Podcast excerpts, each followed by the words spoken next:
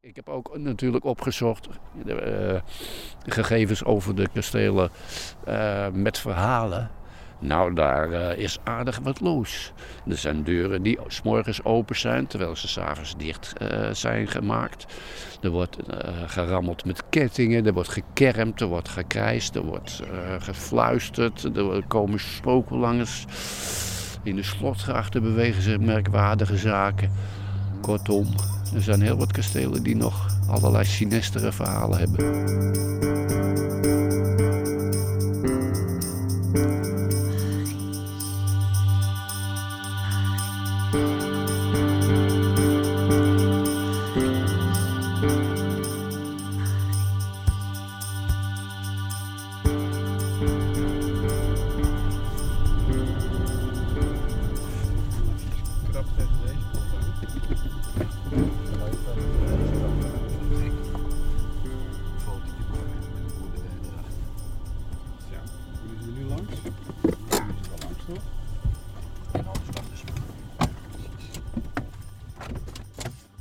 De dagen worden weer korter. Het wordt, het wordt ook donkerder. En het leek uh, historicus Ruud Boorman een, uh, een goed idee of een leuk idee om eens even wat kastelen, burchten, ruïnes te bezoeken in de omgeving waar hij woont. Ruud woont in Zutphen. Nou Ruud, daar staan we in Angerlo. Uh, Ruud, welkom. Dankjewel. En Angerlo, waarom, waarom zijn we hier? Nou, even ter verduidelijking. Angerlo is een plaatsje eventjes ten uh, zuidoosten van Doesburg. Doesburg ligt aan de IJssel. Uh, de IJssel is de grens van de Achterhoek. En we gaan vandaag in de Achterhoek naar een aantal plekken kijken waar uh, kastelen zijn verdwenen of waar verhalen over gaan. Vooral daar gaat het over. Er zijn enige zeer interessante en mysterieuze verhalen over deze kastelen te vertellen. En hoe zijn deze kastelen op jouw pad gekomen? Uh, ik uh, heb al jaren in de Achterhoek gewerkt vanuit het gemeentemuseum Arnhem. Archeologische uh, vondsten nagetrokken. En onderweg kwam ik regelmatig kastelen tegen of plekken waar kastelen verdwenen zijn. En het is namelijk zo, Achterhoek heeft een heleboel kastelen en landhuizen. Maar er zijn er evenveel verdwenen in de loop der tijd. Door strijd, door verwaarlozing of door andere oorzaken. En soms zijn daar nog resten van te vinden. Soms een slotgracht of een heuvel of een muurtje of iets anders. En we staan nu dichtbij een heel klein muurtje van nauwelijks 2 meter lang. Uh, dat een restant is van kasteel Kel. Was ooit een groot kasteel, wat al vroeg in de middeleeuwen genoemd werd. En uh, de bewoners van uh, deze burcht waren bevriend met uh, graaf hertog van Karel van Gelre. En nou, dat ging goed. Behalve, er was nog een ander kasteel in de buurt. En dat kasteel heette Baar. En de eigenaar van Baar, die had het niet zo goed op met de bewoners van dit kasteel. En die heeft op een kwade dag, heeft die kasteel Kel verwoest tot de grond toe. Bijna. Want er zal nog wel wat overgebleven zijn na het beleg.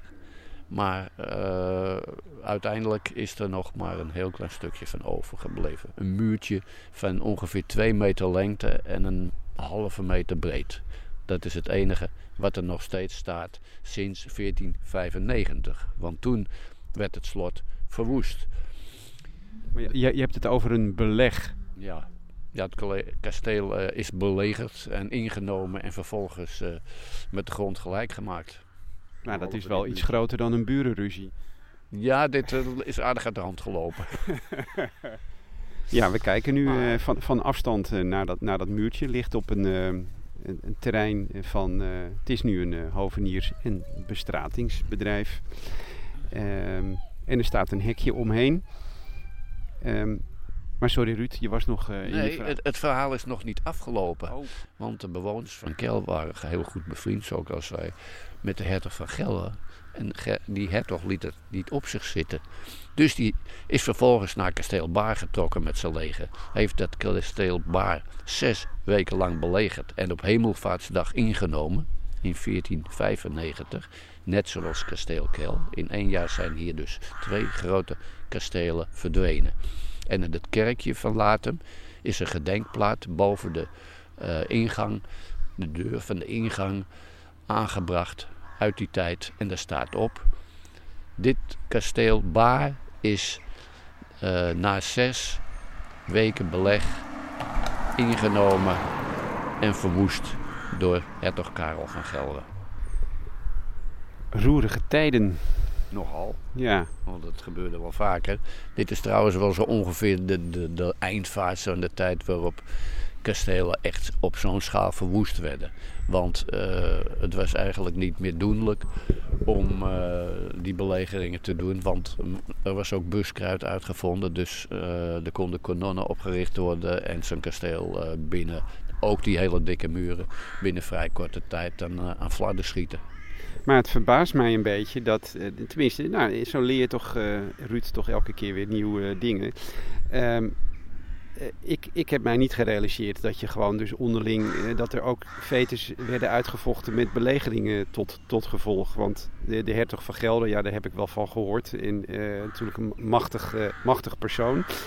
Ehm, maar wij, wij, weten vooral over de oorlogen die wij voeren als, wat waren we toen? Waren we al een republiek? Nee, nog lang niet. Nee, nee Nederland bestond nog uit een, vooral, die was vooral door Bourgondië veroverd en alleen Gelre was nog een uh, zelfstandig hertogdom in die tijd. Ja. Maar belegeringen en verwoestingen van kastelen, die waren in, in de tijd daarvoor ook al regelmatig gebeurd. Zaten hier zelfs een soort twisten tussen de Bronkhorsten en de Hekerens. Oh. Dus net zoiets als de Hoeks- en Kabeljauwse twisten ja, in het westen ja, van het land. Nou, dat ging er flink aan toe. En dat kon wel uh, enige decennia duren voordat het uiteindelijk afgelopen was. Ja, ja. En kasteel Kel, ja, wat, wat over is gebleven is, ja, het is wel een mooi muurtje, Ruud. Het is heel grondig gebeurd. Ik heb daar ooit een klein archeologisch onderzoekje gedaan. Toen hebben we in het verlengde van dat muurtje hebben we uh, gekeken of er in de ondergrond nog sporen van muurwerk over waren. Die waren er niet.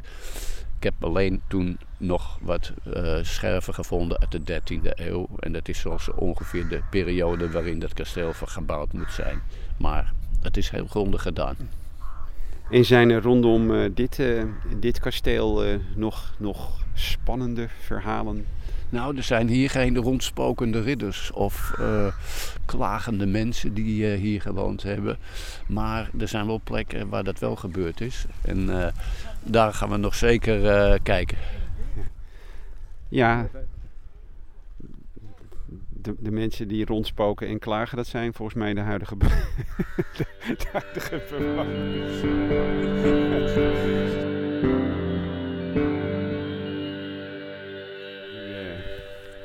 zijn we begonnen bij de restanten van kasteel Kel. En met wat we nog konden zien was een muurtje. Maar waar we nu zijn, Ruud, wat, uh, wat zien wij hier? We zien hier een plas en een natuurgebied en een tennishal. Dat heeft allemaal niets met uh, het vol wat er komt te maken.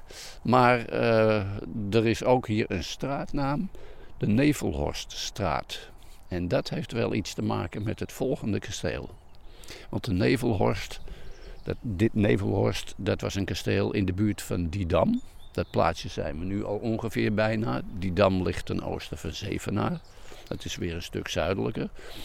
En uh, heel lang geleden was hier een grote burcht van een rijke uh, eigenaar, rijke ridder. En uh, die was wijd en zijd bekend, stond in groot aanzien, was goed voor de mensen. En hij had een dochter, en gelukkig getrouwd, alles was goed. Tot op een gegeven moment de roep uit het heilige land kwam om ter kruistocht te gaan. Oftewel de Saracenen weer uit het heilige land weg te jagen die dat zojuist veroverd hadden. Was dat dan de eerste of de tweede kruistocht? Dat vertelt het verhaal niet. Maar we hebben het over welke tijd hebben we het over? Nou, in ieder geval de 11e, 12e eeuw. Ja, in die tijd precies. zitten we ongeveer. Ja, en, en uh, voordat je even verder gaat, uh, dit kasteel heeft, dat we weten dat het er is geweest. Ja. En hoe weten we dat? Het is bekend uit, uh, uit bronnen, het is genoemd, maar niet vaak, want het is al heel vroeg verwoest of verdwenen. En we weten ook niet hoe het eruit heeft gezien. Nee. Nee, want er zijn ook, ja, wat je zegt, we staan nu bij een plas ja. waar het waarschijnlijk dan heeft gestaan. Nou, ja, zou kunnen. Zouden we kunnen. Nou, weet je, uh, het tekenen van, van landschappen, kastelen, steden, dorpjes enzovoort, dat kwam pas heel uh, laat uh, in gebruik. Tot zeg maar 1550 werd het niet gedaan. Dus tekeningen of zelfs schilderijen zijn nauwelijks te verwachten ja. van kastelen of burchten. Of vaak niet kloppend. Oké, oké. Terug naar het verhaal. De, deze meneer, hoe heet hij trouwens? De ridder. De ridder is ook naamloos gebleven in het verhaal. Naamloze ridder werd geroepen om naar het heilige land te gaan. Ja, en die vond natuurlijk dat dat zijn plicht was, zijn heilige plicht, om dat te doen. En die is uh, al snel uh, die kant op gegaan. Maar voordat uh, hij dat deed, heeft hij ervoor gezorgd dat zijn dochter, zeg maar, veilig werd gesteld. Dat zij veilig kon leven. En hij heeft daar uitgehuwd aan ene Diederik. Die die al lang kende. Natuurlijk, die ridders kenden elkaar allemaal en hun families. En nou, die zijn gehuwd en vervolgens is de ridder naar het heilige land afgereisd. En er ging een hele tijd voorbij, al twee jaar, drie jaar. En toen bereikte het droevige bericht het kasteel dat de ridder in het bijna bij het heilige land was overvallen en gesneuveld en overleden dus. En Diederik uh, heeft niet lang nagedacht en die heeft onmiddellijk gezegd: Ik ga uh, hem wreken. Ik ga ook naar het Heilige Land. Ik ga kijken wat daar gebeurd is. En dan zal ik daar met mijn uh, strijders wel even afrekenen met die mensen die hem dat hebben aangedaan. Nou, hij ook weg. Voordat hij wegging, heeft hij zijn vrouw, de dochter van de ridder, Vredegunde. Ook een mooie naam uit die tijd. Vredegunde. Vredegunde. Lijkt wel een naam uit een Wagner-opera. Dat zou best kunnen. Oké. Okay. Heeft hij uh, laten beloven dat ze trouw zou blijven tot in de dood. Nou, de jaren gingen weer voorbij. Nog een keer. Even lang bijna als uh, de ridder weggebleven was.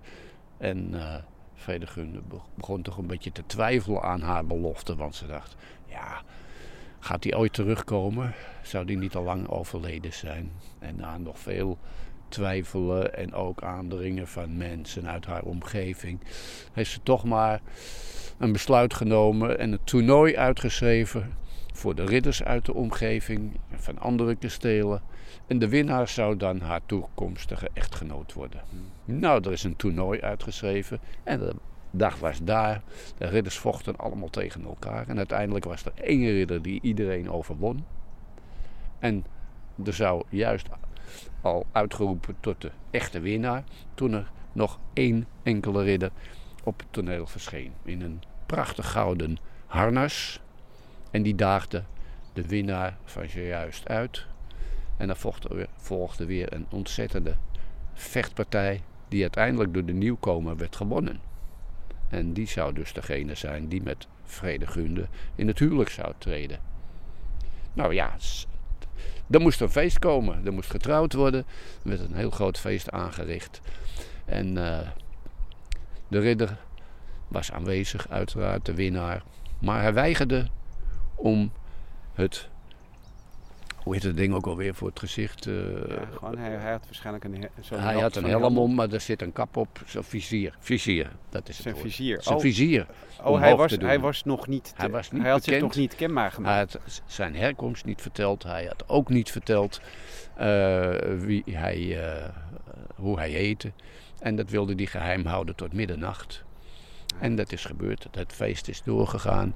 En tegen middernacht begon het al een beetje stil te worden, want iedereen was in spanning. Wat zou er nou gebeuren? En toen de klok 12 uur sloeg, sloeg de ridder zijn vizier op. Een akelig doodshoofd grijnst de gasten aan en de half bezwijmende vrouwen tegen. Ik ben Diederik, zo krijst hij, en die eist zijn recht. Ik wil mijn gelofte, de gelofte die je mij gedaan hebt, vervuld zien. De ridder kwam naar haar toe omarmde haar. De bodem van de, de zaal spleet open. En Fredegunde en haar ritser, haar dode ridder, verdwenen in een diepe afgrond. In een diepe afgrond. In een diepe afgrond. En daarna sloot de vloer zich weer. Alle mensen waren in paniek en vluchtten alle kanten op. De beurt verviel in een ruïne. En nu is alleen het verhaal er nog. Prachtig. En wanneer, wanneer is dit uh, verhaal uh, op papier? We, weten we dat? Schriftgesteld. Ik, ik ken de oudste versie, of de, die ik ken, dat is geschreven in oude zagen en, sprook, zagen en sproken van het oude Gelderen. En dat is in 1932 uitgegeven. Hmm. Maar het bestond waarschijnlijk. Het is waarschijnlijk al, al overgenomen van andere verhalen, maar die heb ik nooit eerder gezien. Van de overlevering hier in Didam en omgeving. Wie zal het zeggen? Spookt het hier? Ongetwijfeld. ja, want er zijn heel veel. Ik heb ook natuurlijk opgezocht. Uh, gegevens over de kastelen uh, met verhalen. Nou, daar uh, is aardig wat los. Er zijn deuren die s'morgens open zijn, terwijl ze s'avonds dicht uh, zijn gemaakt. Er wordt uh, gerammeld met kettingen, er wordt gekermd, er wordt gekrijsd, er wordt gefluisterd. Er komen spoken langs. In de slotgrachten bewegen zich merkwaardige zaken. Kortom, er zijn heel wat kastelen die nog allerlei sinistere verhalen hebben. Ja, dus misschien als we hier aan deze plas lang genoeg wachten, zullen we dan nog de, de roep van Vrede Gunde horen? Uh, niet van Vrede Gunde, nee, denk ik. Maar er zijn wel kastelen langs de Waal, onder andere waar ooit kastelen zijn verzonken. Ook weer door allerlei affaires. En uh, daar schijnen nog dames rond te zweven en klagend hun geluid te laten horen over wat er ooit is voorgevallen. Er is bijvoorbeeld ook nog een kasteel uh, Biljoen in Velp. Dat ligt aan de andere kant van de IJssel. En daar uh, heeft ooit uh, ook een, een ridder gewoond. En die had een, een dienstmaagd. Een mooie dienstmaagd. Die hij wel aardig vond. En die die het hof begon te maken. En uiteindelijk ja, kwam er een andere vrouw. En toen werd zij min of meer verstoten. En uh, toen heeft zij zich in de slotgracht gestort. En daar schijnt ze nog steeds rond te waren. Vooral bij mist. We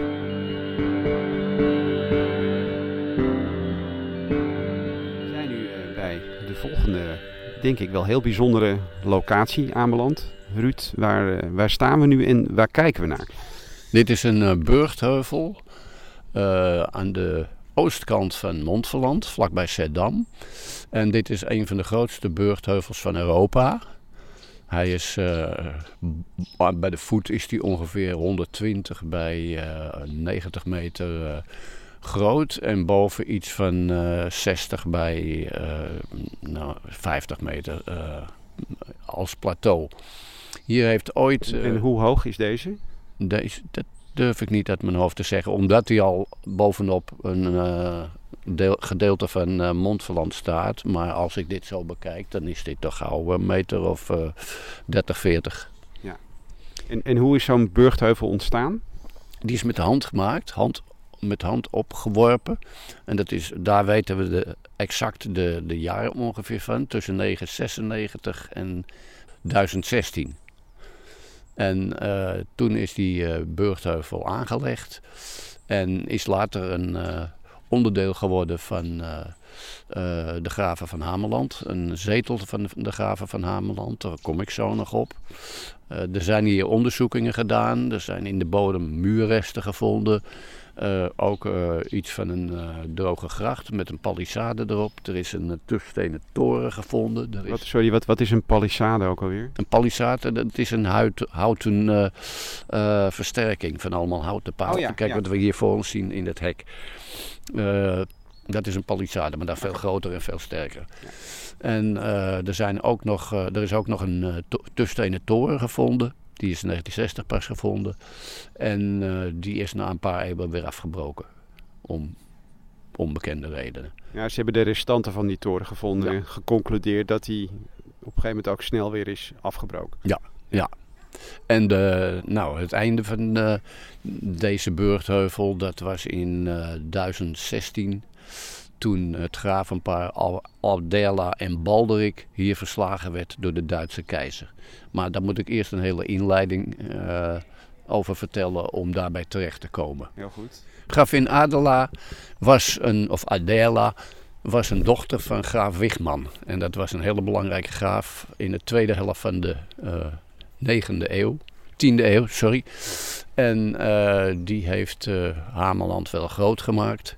Hameland bestond niet alleen maar uit een deel van de zuidoostelijke Achterhoek, maar ook uit stukken Veluwe, uit het Gooi, bij Naarden, Urk en Gaasterland. Dat hoorde allemaal, waren allemaal bezittingen die bij de Hameland hoorden.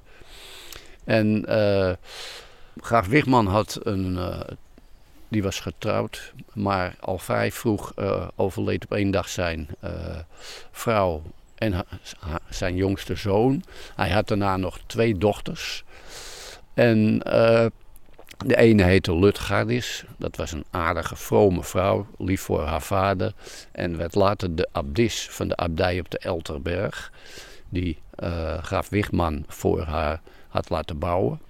Adela was zo ongeveer het tegenbeeld. Die was eh, gemeen, vals, had een giftige stem. Gedroeg zich altijd eh, op alle mogelijke manieren vreselijk. Wist overal profijt uit te buiten. En eh, was eigenlijk nooit tevreden. Ze wilde, eh, ze huwde eerst met graaf Imad. Dat was in eerste instantie een goed huwelijk met twee zonen en twee dochters. En, maar omdat Adela zich niet bezighield met haar eh, huishoudelijke plichten, om dat nou maar zo even te noemen, en ook nog wel eens met andere mannen aan de loop ging, eh, ging dat huwelijk gauw stuk. En eh, graaf Imad is van liefdesverdriet gestorven, Hm. gaat het verhaal. Inmiddels was Adela alweer verliefd geworden op graaf Balderik, een belangrijke heer. Ook al wordt hij niet door de omgeving van Lutger en andere mensen eh, in het eh, Hamelandse huis eh, gezien. Hij was wel graaf van Zalland en Drenthe, dus niet onbemiddeld. Maar toch, eh, vooral Lutgard was heel erg tegen dat huwelijk. En uiteindelijk heeft ze eh, een g- bevriende graaf gevraagd of die niet op kon treden tegen dat aanstaande echtpaar. En die heeft toen hun burcht bij eh, Renkum ingenomen. Balderik is gevlucht en Adela die is naar de Elterberg gegaan. En die heeft eh, gesmeekt bij haar zus of ze weer in, de, in het vertrouwen terug kon komen. En eh, of het weer allemaal goed kon komen. En eh, nou, dat wa- was natuurlijk goed, want Lutger wilde eigenlijk niks anders. Toen hebben ze een maaltijd bereid. Maar Adela zag want ze kon haar oude eh, gewoonte niet eh logenen, heeft toen toch wat gif in het eten van haar zus gegooid. Waarna die is overleden. En toen waren ze, kon het huwelijk voltrokken worden. Ze wilden niet meer naar het kasteel in Renkum. Ze trokken naar Uplade. En Uplade was deze burchtheuvel waar we nu voor staan. Daar konden ze hun zetelvechten vestigen en hun macht uitbreiden. Want het was nodig volgens Adela. Want een Balderik was nog niet belangrijk genoeg. Die moest ook krijgsheer worden van het Duitse Rijk. De Duitse keizer was daar echter niet zo erg mee in. Die zag wel een andere kandidaat zitten. Graaf Wigman van Vreden, dat is in de oostelijke achterhoek. Die kwam eigenlijk uh, in aanmerking. Daar was Balderik weer heel kwaad over. Die heeft steeds maar weer geprobeerd om via allerlei intriges om dat, uh, dat voornemen uh, te niet te doen. Is zelfs gevangen genomen een paar keer door die graaf Wigman. En toen weer teruggekomen. Uiteindelijk is hij in de kerkers gegooid van die graaf. En is Adela smekend uh, in een brief geweest om die Wichman toch te zeggen van laten we nou vrede sluiten, laten we nou niet zo moeilijk doen, laten we het uitpraten. En toen is Wichman met enige mensen gekomen om daar de vrede te bezegelen. Maar, nogmaals, Adela die was geen aardige vrouw. En die zag weer kans om de boel te verpesten. Die heeft dus Wichman laten vermoorden met zijn mannen. En toen heeft de Duitse keizer ingegrepen. En die is met een groot leger hier naar Upladen toegekomen. Het heeft het, de burcht ingenomen en met grond gelijk gemaakt. Uh, Balderik die uh, is... Van Balderik zijn alle goederen ontnomen. Hij is alles kwijtgeraakt. En Adela is naar Keulen verbannen. Waar ze in een kerker heeft gezeten tot aan haar dood. En zelfs toen was haar lijk nog niet uh, uh, met, met, rust gelaten. Want er kwam een grote vloed. De Rijn trad uit zijn oevers. en het lijk, na, haar dood. Het lichaam van Adala is uit het, de kerken gespoeld en nooit meer teruggevonden. Dit, zo, dit zo het mensen die zich misdragen. Dit klinkt als een uh, fantastisch script voor, voor een film. Ja, ik wacht nog altijd op het moment dat ze die gaan maken. Dus. Ja, Ruud, misschien moet je daar wat mee. Ja. het verhaal wat ik zojuist verteld heb, dat druipt een beetje van allerlei gemene dingen die vooral door Adela, maar ook door, de door haar aangespoorde Balderik uh, zijn uitgevoerd. Maar of dat allemaal helemaal waar is, is niet zeker. Er is ook een chroniekcijfer uit die tijd die uh, het verhaal heeft geschreven daarover is veel meer bekend. Die heeft veel meer, uh, veel ruimer ook geschreven over deze gebeurtenissen. En er wordt vermoed dat hij dat er een beetje expres heeft gedaan om dat echtpaar in een kwaad daglicht te stellen. Okay. En uh, het allemaal een beetje erger aan te dikken dan het misschien was. Maar dat weten we niet zeker. Het is uh, heel menselijk. Dat doen wij tegenwoordig ook, toch? Ja. ja place to come. Ja, precies.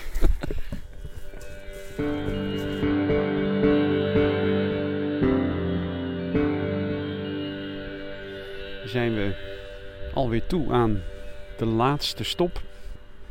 En we zijn hier in Ruurlo. En je hebt het mooi opgebouwd, Ruud, van een muurtje van kasteel Kel.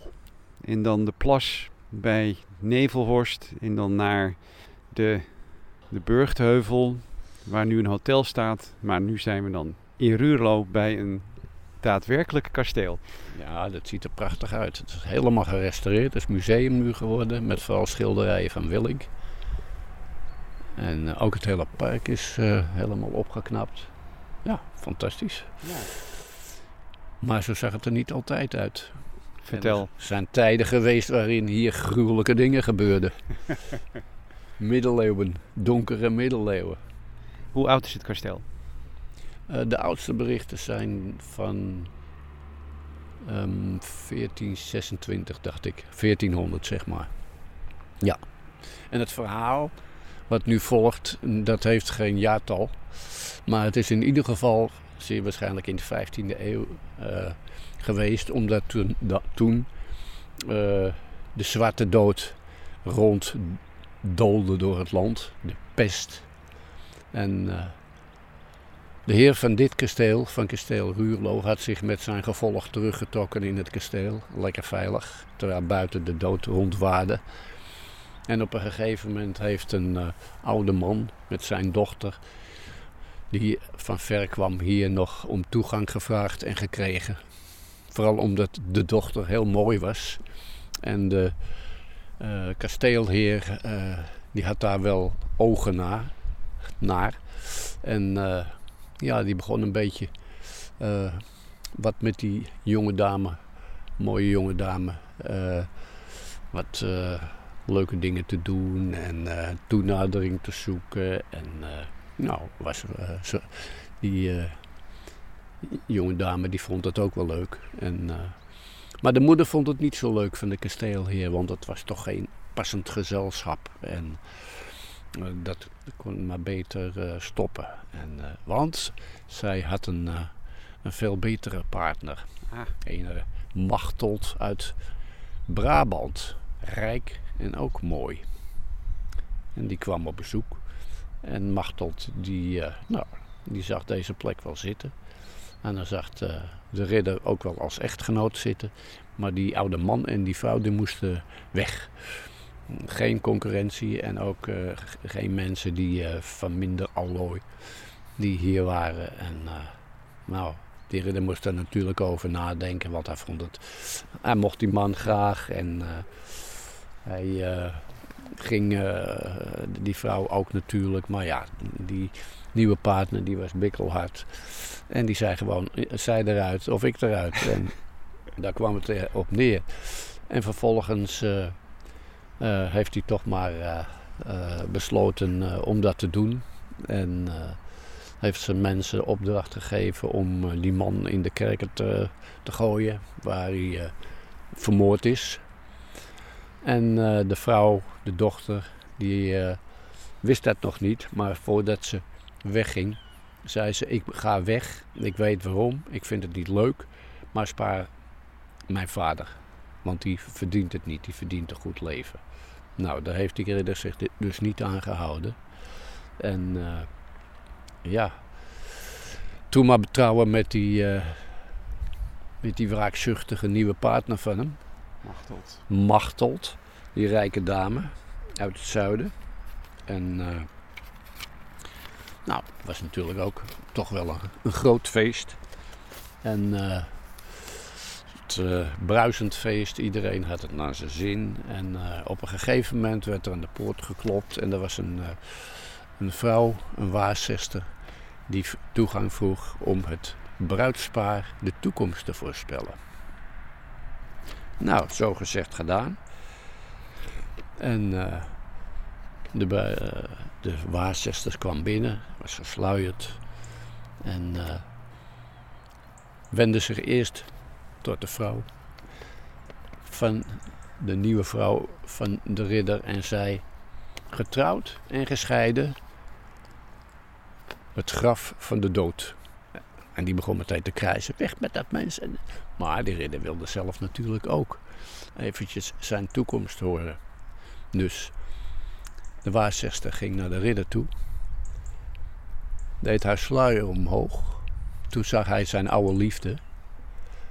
En zij zei: Dit is de verzoening. De zwarte dood heeft mij besmet. En ik wou uw feest bederven tot op de dood. En toen was het feest afgelopen. Iedereen vluchtte weg. En uh, helemaal vooraan de vrouw uit Brabant. Die had eieren voor haar geld gekozen. En de ridder bleef alleen achter. En stierf onder ellendige omstandigheden terwijl de dood verder waarde in en om Ruurlo. En zo eindigt het verhaal van foute beslissingen. En uh, de ridder waart hier nog rond? Ongetwijfeld. ja, dat moet haast wel, hè? Dat hij s'nachts tussen de schilderijen van Willink. Ja, precies. Misschien kijkt hij ze dan aan en zegt hij wat een vreemde schilderijen. Maar er zit wel een soort surrealisme in wat ik me kan herinneren. Ja, en waarom toch die glazen brug? Ja, die glazen brug bij dit kasteel. Ja. Mooie, mooie verhalen. Mooie Ruud. verhalen. Er zijn heel veel mooie verhalen uit het verleden. En dit zijn nog maar uh, vier, uh, we hebben nog maar vier uh, locaties bezocht. Maar het, het wemelt ervan hè? In, in, in Gelderland, Overijssel. Ja. Niet alleen in de Achterhoek, maar ook op de Veluwe zijn verschillende verhalen of kastelen met een verhaal, al dan niet verdwenen. En ook in het rivierengebied en ook in andere provincies. Dus Oh, ik was altijd geïnteresseerd in oude zagen en legenden. En uh, ik heb altijd veel daarover gelezen. Totdat ik die twee boeken vond. Zagen en sproken uit het oude Gelderen van meneer Slemker. 1932 uitgegeven. Fantastisch, fantastische kaft. Mooi versierd. Met zilver erop, blauw. En uh, prachtige illustraties. Ja, want een van die illustraties die, uh, die gaan we nog even posten. Want het, het, uh, bij het eerdere verhaal wat je vandaag hebt verteld over de ridder die zijn vizier afdeed en dan vervolgens die vrouw mee eh, naar beneden neemt. In de afgrond. In de afgrond. eh, angstaanjagend. Ja, wel mooi getekend. Ja, heel Ja. mooi. Ja. Ja. Dat, dat is één boek. En je, had, je noemde nog een ander. Het zijn er twee. Oh, het zijn twee Die hebben allebei over Gelderland. Ah, Over het, eh, zagen en gesproken over het oude Gelderen. Nou Ruud, wellicht eh, eh, gaan, we, gaan we dit nog eens een, nog een keertje voortzetten. En dan kijken of je nog wat andere spannende verhalen tot ons weet te brengen. Lijkt me heel leuk. Ik ken de plaatsen nog wel. Ruud, eh ja, dankjewel voor deze dag. Het was, het was, het was aangenaam en eh, je, hebt, je hebt mooie dingen verteld. Dankjewel. Jij ook bedankt. Het was een leuke dag.